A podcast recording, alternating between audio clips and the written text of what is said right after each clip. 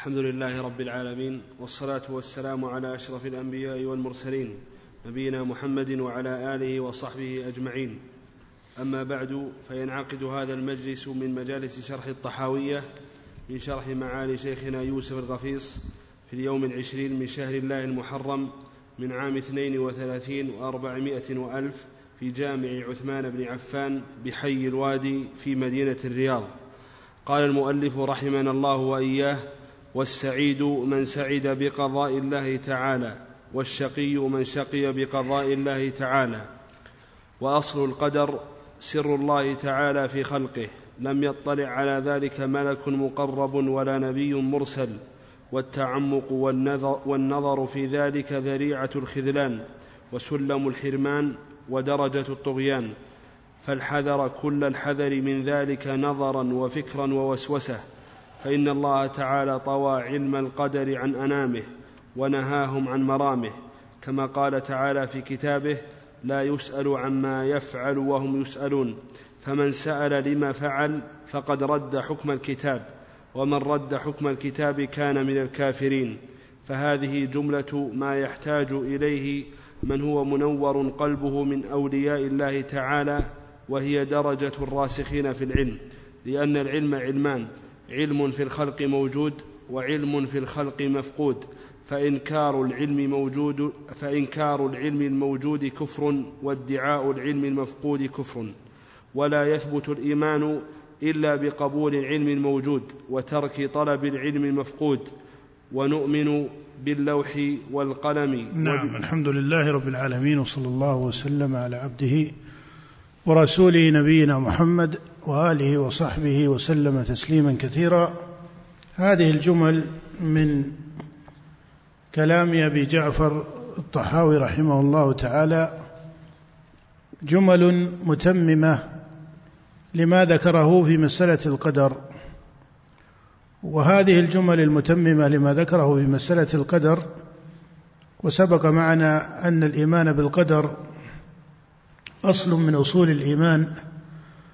ومضى عليه إجماع الصحابة رضي الله تعالى عنهم ومن بعدهم من أهل العلم وهو من أصول دين المسلمين. وجميع أهل القبلة من المسلمين متفقون على وجوب الإيمان بقضاء الله وقدره. فهذا محل إجماع من جميع طوائف المسلمين من حيث الجملة. وإن كان وقع في فقه هذا الأصل وعلمه وقع مواد فيها نزاع ومسائل فيها نزاع كأفعال العباد بين القدرية والجبرية وكذلك هم الكسبية المقاربون لهم. فهذا مورد نزاع بين أهل القبلة فيما يتعلق بأفعال العباد وفيما يتعلق ببعض مسائل الحكمة والتعليل. فثمة مسائل هي مورد نزاع لكن الأصل من حيث الجملة الأصل من حيث الجملة هو أصل مجمع عليه فلا أحد من طوائف المسلمين ينكر الإيمان بقدر الله ولكن ثمة مسائل هي مورد نزاع ومعلوم ما ذهب إليه الأئمة رحمهم الله في ذلك. ولهذا يمكن أن نقول إن الأصول التي اتفق أئمة السنة من الصحابة والتابعين ومن بعدهم من أئمة العلم والفقه والحديث والعبادة عليها في هذا الباب الشريف من أبواب العلم والإيمان هي سبعة أصول. الأصل الأول الإيمان بعموم علم الله سبحانه وتعالى. وقد دخل في عموم علمه علمه سبحانه وتعالى بأفعال العباد قبل كونها.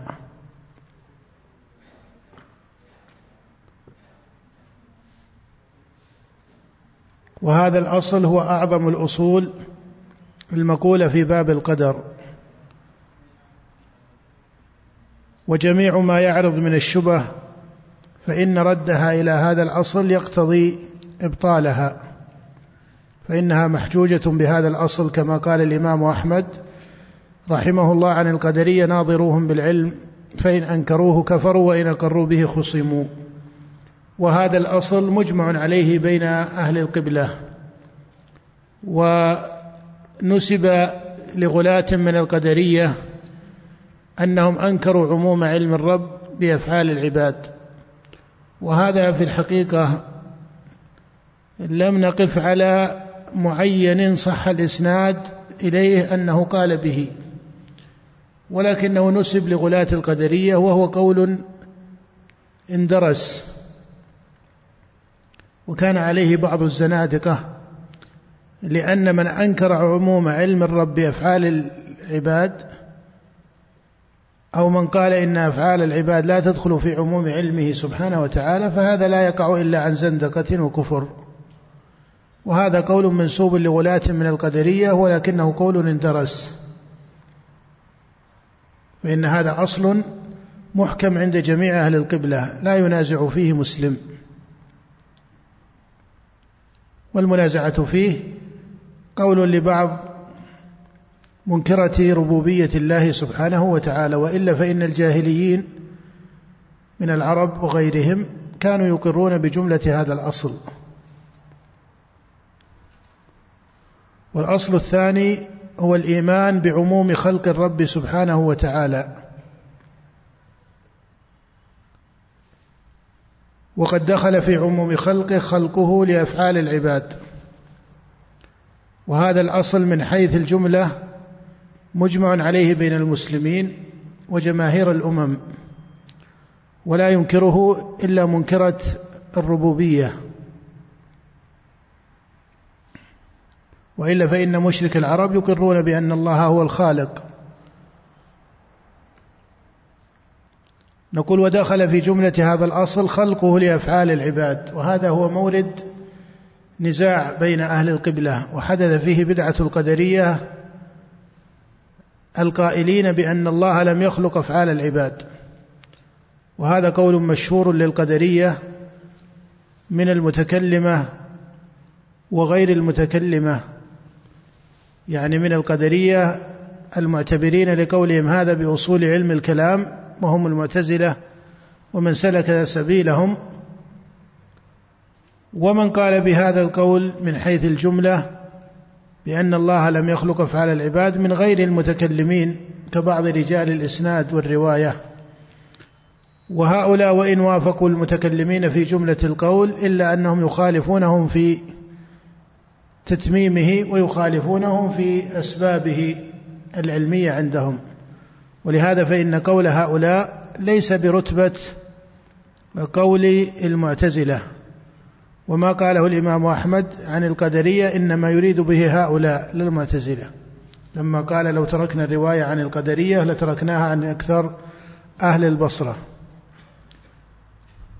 وهذا الأصل أصل مجمع عليه وثابت بالكتاب والسنة كذلك فهو من الأصول المستقرة ومن أعظم أصول الربوبية وهو الإيمان بعموم خلق الله سبحانه وتعالى. الله خالق كل شيء ودخل في عموم خلقه خلقه لأفعال العباد.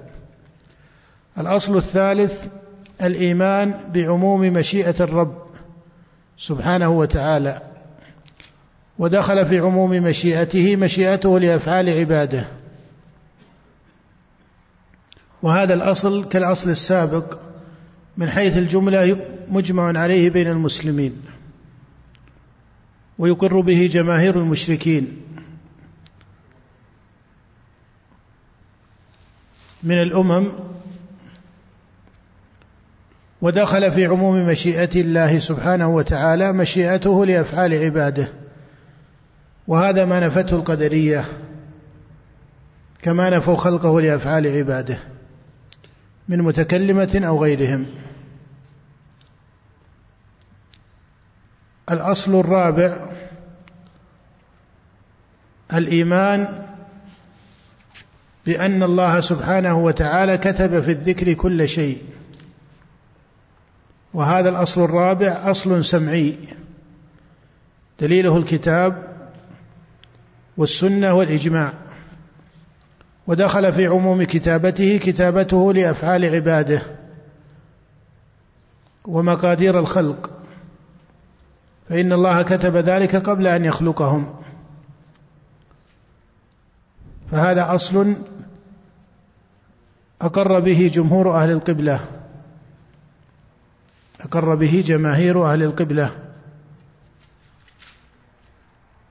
بل عند التحقيق عليه عامة أهل القبلة من حيث الجملة وإن كان السلف وأتباعهم يحققون هذا الأصل من جهة تفاصيله المقولة في السنة النبوية وإلا فجملة الأصل أن الله كتب المقادير وكتب في الذكر هذا أصل مجمع عليه من حيث الأصل وإنما نازع في بعض مقامات تفصيله خلق من القدرية وهذا يعود إلى مسائل في أصول النظر والاستدلال بمسألة التواتر والآحاد.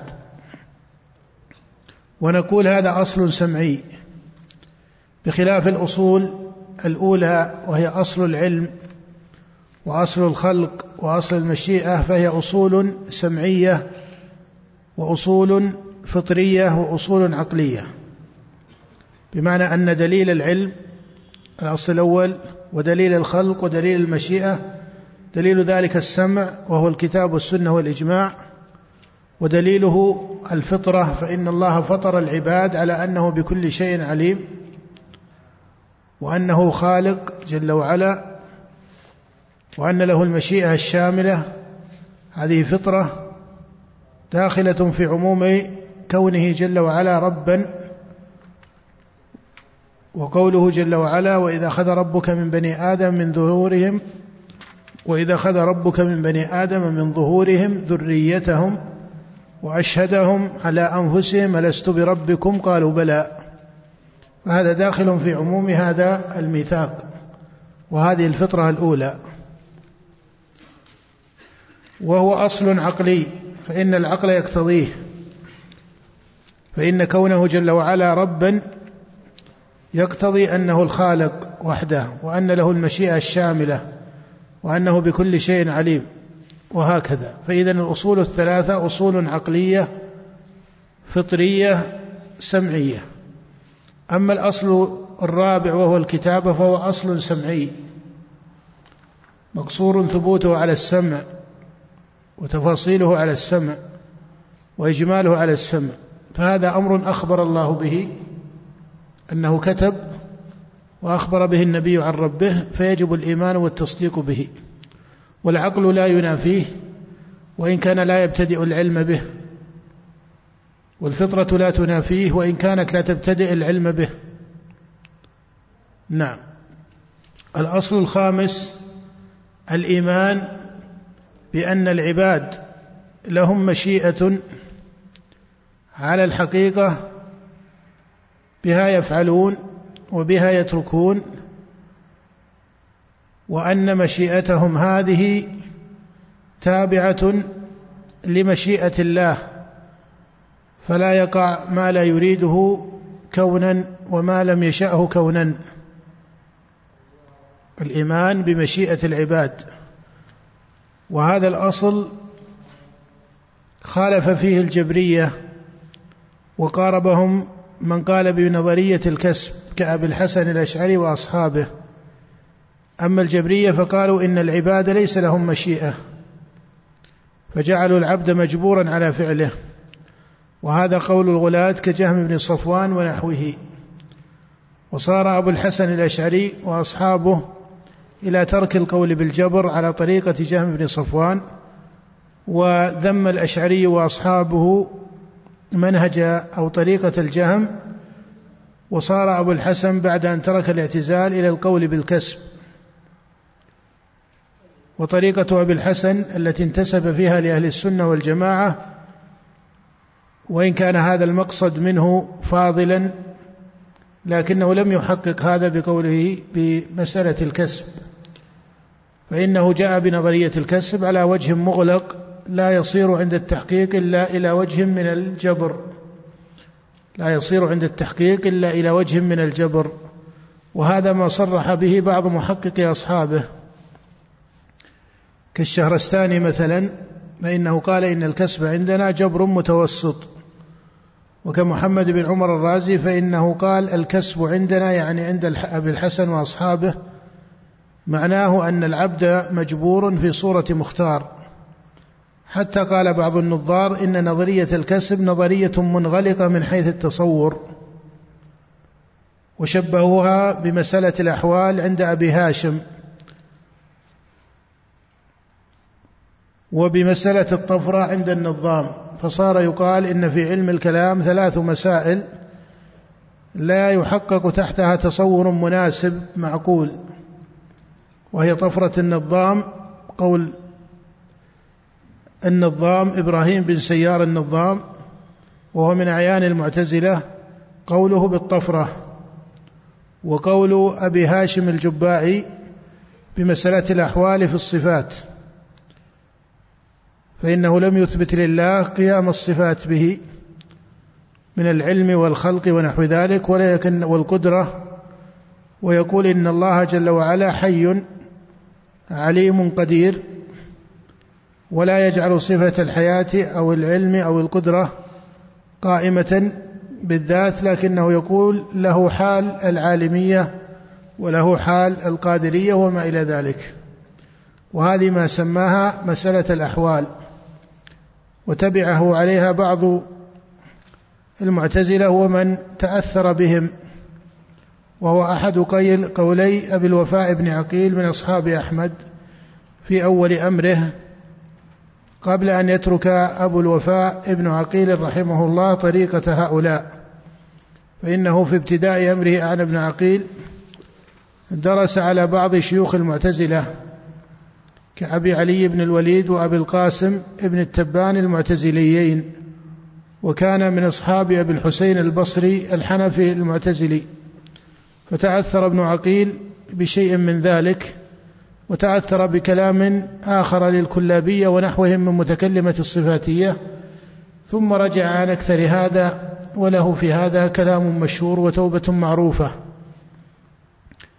المقصود أن أبا الحسن قال بالكسب فهي أحد هذه المسائل الثلاث. ولكن كما أسلفنا بعض أصحابه وكبار أصحابه كالرازي وغيره فسروه بنوع من الجبر.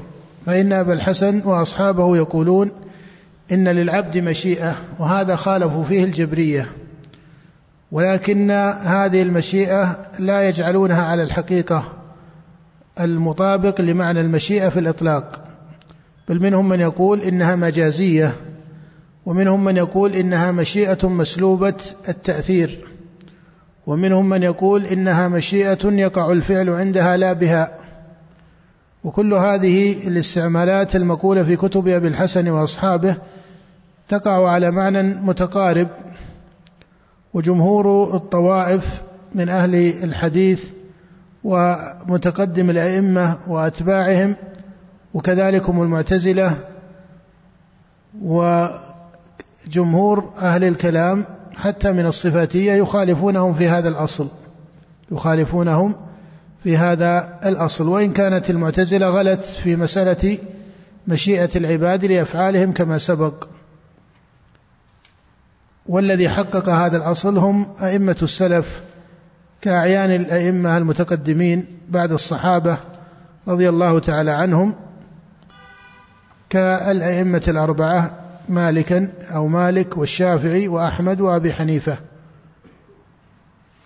نعم. هذا هو الأصل الخامس. الأصل السادس الإيمان بأن الله جل وعلا أمر العباد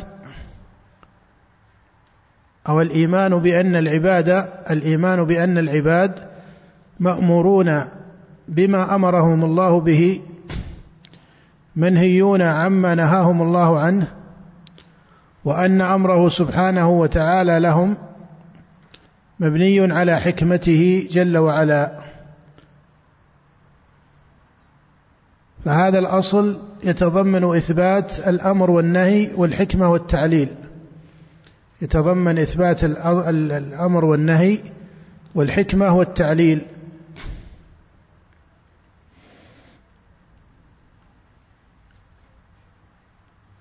وهذا أصل توسط فيه أئمة السنة. خلافا لمن غلا في مسائل تعليل الأحكام من المعتزلة ونحوهم ولمن أسقط مقام التعليل من متكلمة الصفاتية. من بعض متكلمة الصفاتية. الأصل السابع الإيمان بأن الله سبحانه وتعالى وعد العباد جزاء لأعمالهم الصالحة ما وعدهم به من الثواب وتوعد من خالف أمره وعصى رسله وأن هذا منه جل وعلا عدل والأول منه فضل وهذا كله يقع على حقيقته وإن كانت هذه الأعمال الصالحة ليست موجبة بذاتها للثواب بل هي سبب واصل إلى رحمة الله سبحانه وتعالى خلافا لطريقة بعض المعتزلة في هذا الأصل. وخلافا لمن قابلهم ممن أسقط مقام الحسنة وشرفها في مسألة القدر. فإن حقيقة التسليم لله سبحانه وتعالى يجامع مقام الأعمال الصالحة ولا ينافي ذلك. ففي هذا الاصل طرفان طريقة خلق من المعتزلة وقابلها طريقة خلق من الصوفية الذين جعلوا مقام التحقيق الا يستحسن حسنه أي العابد ولا يستقبح سيئه. فهذا افتيات على الشريعة وعلى أصول العقل وأصول الفطرة. فهذه الأصول السبعة هي الأصول الجامعة لمسألة القدر. هي الأصول الجامعة لمسألة القدر. ثم صار أبو جعفر فيما قرئ إلى جمل مجملة بين فيها أن القدر مقامان مقام بان علمه للمكلفين ومقام منه اختص الله بعلمه وهذا أصل صحيح فإن القدر على هذين المقامين من العلم مقام بان علمه وأظهره الله سبحانه وتعالى بما نزل في كتب الأنبياء عليهم الصلاة والسلام ومقام آخر منه اختص الله بعلمه فالواجب هو الاتباع فيما جاء عن الله وعن أنبيائه عليهم الصلاة والسلام والاقتداء بذلك وعدم التكلف فيما زاد على ذلك. وما بعث الله بالأنبياء والرسل من علم هذا الأصل اعني أصل القدر فإن فيه كفاية للعقول وطمأنة للنفوس ولا يحتاج معه إلى فوق ذلك. وبقية الجمل هي داخلة في مقتضى هذا الأصل. نعم. أحسن الله إليك. قال رحمه الله تعالى ونؤمن باللوح والقلم وبجميع ما فيه قد رقم. نعم وهذه مسائل مبنية على ورود النص ومن هنا سماها كثير من المتكلمين وبعض العلماء بالمسائل السمعية. يجعلون هذه المسائل وأمثالها من المسائل السمعية. وهذا في طريقة المتكلمين ليس على إطلاقه. فإن باب السمعيات عندهم أوسع من ذلك وجعلوا في مسائل السمعيات ما علم ثبوته بالعقل أيضا إلا أن هذه المسائل وهي مسألة اللوح والقلم والكتابة هذه مسائل سمعية أي معتبرة بنص الشارع والعقل لا يبتدئها ولكنه لا ينافيها. نعم. فلو اجتمع الخلق كلهم على شيء كتبه الله تعالى فيه أنه كائن ليجعلوه غير كائن لم يقدروا عليه ولو اجتمعوا كلهم على شيء لم يكتبه لم يكتبه الله تعالى فيه ليجعلوه كائنا لم يقدروا عليه جف القلم بما هو كائن إلى يوم القيامة. نعم هذا كما جاء في الحديث واعلم أن الأمة واعلم أن الخلق لو اجتمعوا على أن ينفعوك بشيء لم ينفعوك إلا بشيء قد كتبه الله لك. ولو اجتمعوا على أن يضروك بشيء لم يضروك إلا بشيء قد كتبه الله عليك. رفعت الأقلام ونعم رفعت الأقلام وجفت الصحف. نعم. نعم. وما أخطأ العبد لم يكن ليصيبه وما أصابه لم يكن ليخطئه. وعلى نعم. العبد أن يعلم أن نعم هذا أيضا مما جاء في السنة. واعلم أن ما أصابك لم يكن ليخطئك وما أخطأك لم يكن ليصيبك. نعم. وعلى العبد أن يعلم أن الله قد سبق علمه في كل كائن من خلقه فقدر ذلك تقديرا نعم ولكن هذا الذي هو من أصول معنى القدر أن ما أصاب العبد لم يكن ليخطئه وما أخطأه لم يكن ليصيبه. هذا لا ينافي الأخذ بالأسباب ولا يناقض مسائل العلم والتأثيرات والأسباب. فإن القدر كما سبق معنا له فقه فمن فقه القدر فقها شرعيا على أصول الشرع وعلى أصول العقل أيضا بان له وجه التسليم ووجه اليقين في هذا الأصل الشريف. ومن عارض مسائل القدر بعقله ضل وغوى ومن توهم أن مسائل القدر فيها منازعة للعقل فانصرف عن ذلك بحجة لزوم الشرع دون أن يجيب على هذه الأسئلة التي يفرضها فهذا أيضا ربما وقع في شيء من التناقض. والأصل أن العقل لا تبتلى مسائل الشرع به هذا هو المنهج الشرعي. لا يجوز أن يسلط العقل البشري على المسائل الشرعية. لما؟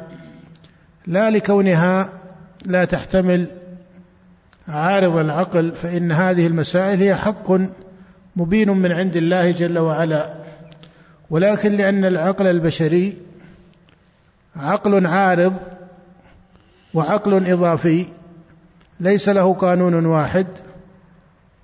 ويكون ما يتوهمه عقليا حقيقته وهمي.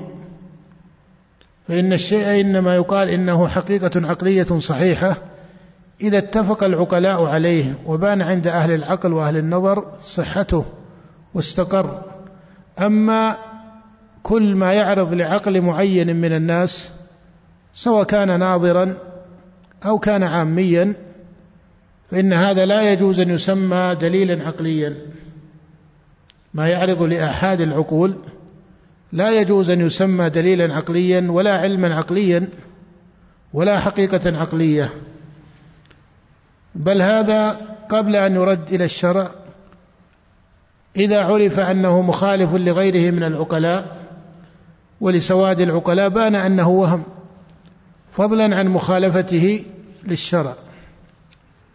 ولهذا جميع ما أورده بعض النظار أو ما قد يقع في نفوس بعض العامة بتزيين الشيطان أو الطاغين المباعدين لدين الإسلام مما يسمونه عقليا يعارضون به الشرع أو يتأولون الشرع له هو عند التحقيق ليس بعقلي وإلا فإن العقل لا يعارض النقل وليس بين صحيح المنقول وصحيح المعقول خلاف.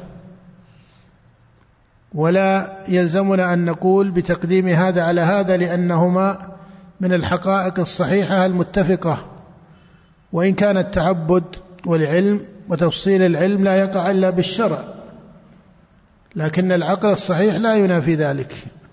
وجميع ما فرض منافيا فذكر معارضا عند من يكون ملحدا أو ذكر سببا للتأويل عند من هو من أهل القبلة فإن حقيقته ليس بدليل عقلي صحيح والدليل على كونه ليس كذلك مخالفته للشرع من جهة ومخالفته لرأي أكثر العقلاء من جهة أخرى. فإنك إذا ذكرت دليل بعض المتكلمين في مسألة ما كمسألة القدر واستدلال المعتزلة مثلا ببعض الأدلة العقلية فيها فإن هذا الدليل من الدا من المعنى الدال على كونه ليس عقليا منازعته للشريعة من جهة ثم منازعته لرأي أكثر النظار وأهل العلم والعقلاء من جهة أخرى. فإن سواد المتكلمين وجمهور المتكلمين يقولون إن هذا ليس دليلا عقليا. وفضلا عن أئمة السنة والحديث فضلا عن دلائل الكتاب والسنة. فهذا باب يجب فقهه. فمسألة القدر لا يجوز أن تبتلى بالأوهام العقلية والسؤالات العقلية التي تعرض لعقول أحد الناس فإن هذا لم يكن منهجا صحيحا. لكن إذا عرض سؤال إذا عرض سؤال تبادر وجب على أهل العلم وجب على أهل العلم جوابه. ولذلك النبي صلى الله عليه وسلم لما ذكر مسألة القدر وسأل من سأل وقال يا رسول الله ففيما العمل؟ أجاب عليه الصلاة والسلام وإن كان هذا السؤال لم يقع من كبار أئمة الصحابة كأبي بكر وعمر وعثمان وعلي وأمثال هؤلاء. لكن عرض لبعض الناس هذا السؤال من أصحاب النبي رضي الله عنهم فأجاب عليه الصلاة والسلام بما أجاب به من الحكمة المقتصدة التي ليس فيها ما يوجب اللبس على المخاطب وإنما قال اعملوا فكل ميسر لما خلق له. وهذا تنبيه للسائل على أصل شريف في القدر عن عدم استصحاب هذا الأصل ثار هذا السؤال عنده. نقول جواب النبي وهو أحكم جواب عن هذا السؤال. هو تنبيه للسائل على أصل في القدر عدم استصحاب هذا الأصل هو جعل أو هو سبب مثار هذا السؤال. ما هو هذا الأصل؟ هو بيانه عليه الصلاة والسلام أن القدر في حق العباد يعني حالهم ومآلهم. ليس القدر هو المآل بل القدر الحال والمآل معا. المآل ما هو؟ أنه كتب شقي أو سعيد هذا مآل. أنه في الجنة أو أو في النار. فإذا استصحب العبد أن أو الإنسان إذا استصحب أن القدر هو المآل ورد عليه سؤال ففيما إيش؟ ففيما العمل لكنك إذا استصحبت الحقيقة كاملة وهذا الذي جعل جمهور الحاضرين مجلس الرسول عليه الصلاة والسلام ما سألوا لأن العقل لا يقود إلى هذا السؤال ضرورة لكن عرض لبعض الناس وهذا بحكم الطبيعة البشرية عدم استصحاب بعض المعنى فقام هذا السؤال. وإلا إذا عرفت تمام أو استصحبت تمام المعنى وهذا الذي سأل من الصحابة لا شك أنه يعرف ذلك ولكن يفوت في مقام السؤال بعض الاستصحاب. ولهذا عبرنا بكلمة الاستصحاب في الذكر وليس بكلمة المعرفة لئلا يرد أن من الصحابة من لم يدرك ذلك وهم خير من هذا. فإن جميعهم أئمة في العلم. فإن جميعهم أئمة في العلم. المقصود من هذا أن تعلم أن القدر في حق العبد وقدر الله متعلق بكل شيء. لكن إذا تكلمنا عن العباد وأفعال العباد فنقول في حق العبد الله سبحانه وتعالى قدره متعلق بإيش؟ بالحال والمآل. الحال ما هو؟ حياة الإنسان وأفعاله. حياة الإنسان وأفعاله هذه تسمى حالا له والمآل موته وشقاوته ومآله في الآخرة إلى الجنة وإلى النار ونحو ذلك. وثمة بشرائع الرسل وثمة بشرائع الرسل وهذا هو الذي جعلنا نذكر مسألة الحكمة والتعليل في باب القدر. ثمة اضطراد في جميع شرائع الرسل وهذا مقتضى العقل والفطرة أيضا أن الحال تكون مناسبة لما يطابقها من المآل بمعنى أن الله لم يكتب عبدا مشركا في حاله معاندا لرسل الله في حاله ثم يكتب مآله إيش؟ أنه إيش؟ أنه في الجنة ولم يكتب سبحانه وتعالى عبدا مؤمنا صادقا مصدقا للرسل ثم يكتب مآله أنه في النار هذا لم يأتي به شرع نبي ولا يقتضيه عقل ولا فطرة. فإذا ثمة اتصال ومناسبة بين الحال وبين إيش؟ المآل. ولئلا يكون الالتفات من المكلفين إلى غير الله سبحانه وتعالى وهي أعمالهم ما جعل العمل باعتبار المآل على سبيل المعاوضة. كما قاله بعض متكلمة المعتزلة إنما جعل على سبيل السبب إنما جعل على سبيل السبب وهذا معنى قول النبي عليه الصلاة والسلام لن يدخل الجنة أحدا عمله. قالوا ولا أنت يا رسول الله. قال ولا أنا إلا أن يتغمدني الله منه برحمة أو قال برحمة منه. فإذا عرفت أن الله كتب الحال وكتب المآل سقط كل سؤال يرد هنا. ومن يفرض ويقول إنه إن كان مكتوبا من أهل الجنة فسيكون من أهلها ولو لم يؤمن. هذا هو في الحقيقة مثل من يقول إن كان كتب له أن يولد له فإنه سيأتيه الولد ولو لم ولو لم يتزوج. وإن كتب له أنه سيصير شبعان فإنه سيكون شبعان دون أن يأكل. وإن كتب له أنه سيكون يعني مرتويا فإنه سيكون كذلك دون أن يشرب. وهذا لا شك أنك إذا عرضته على العقل قضى بإيش؟ ببطلانه وسقوطه ولا يعرض لعاقل هذا. حتى المجنون لا يعبر بمثل ذلك. ولو أن مجنونا خوطب بهذا لكذبه. أليس كذلك؟ واستهزأ مع جنونه بمن خاطبه فمن باب أولى العاقل. لكن الشيطان لأن هذا عارض من الشيطان على عقول بني آدم وهذا الذي جعلنا نقول هو من الوهميات العقلية. ولا يجوز أن تبتلى الشرائع النبوية بهذه الأسئلة العقلية التي حقيقتها وهميات.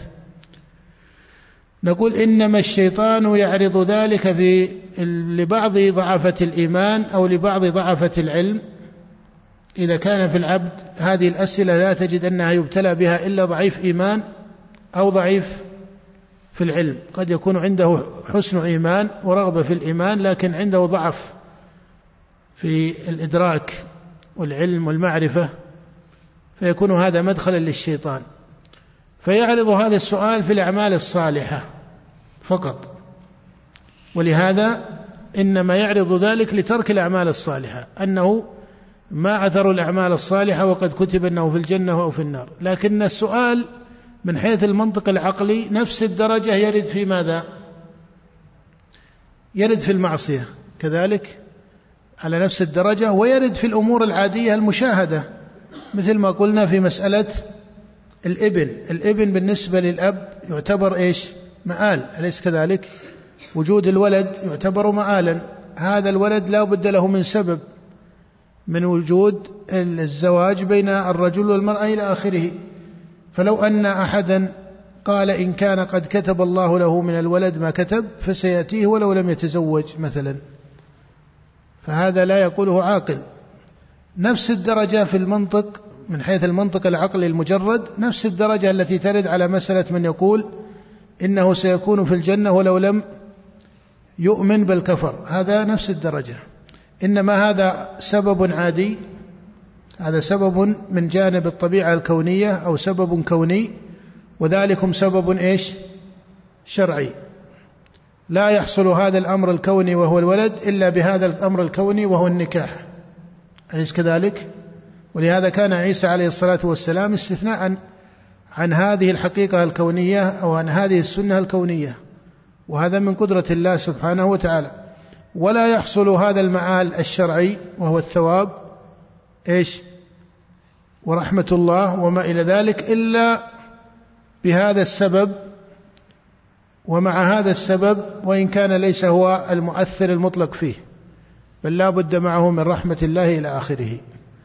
فالمقصود أن من فقه هذه الحقيقة وهي أن القدر بالنسبة لأمور العباد هو كتابة الحال وكتابة المآل والقدر متعلق بالحال ومتعلق بالمآل وثمة مناسبة بين الحال وبين المآل ولهذا ترون أن ثواب أهل الثواب جاء بحسب إيش؟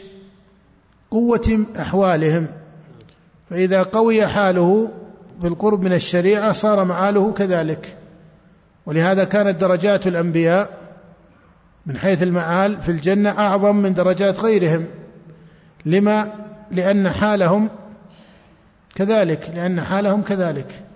وهذا معنى قول الله سبحانه وتعالى ونضع الموازين القسط ليوم القيامة فلا تظلم نفس شيئا. إلى آخره. نعم.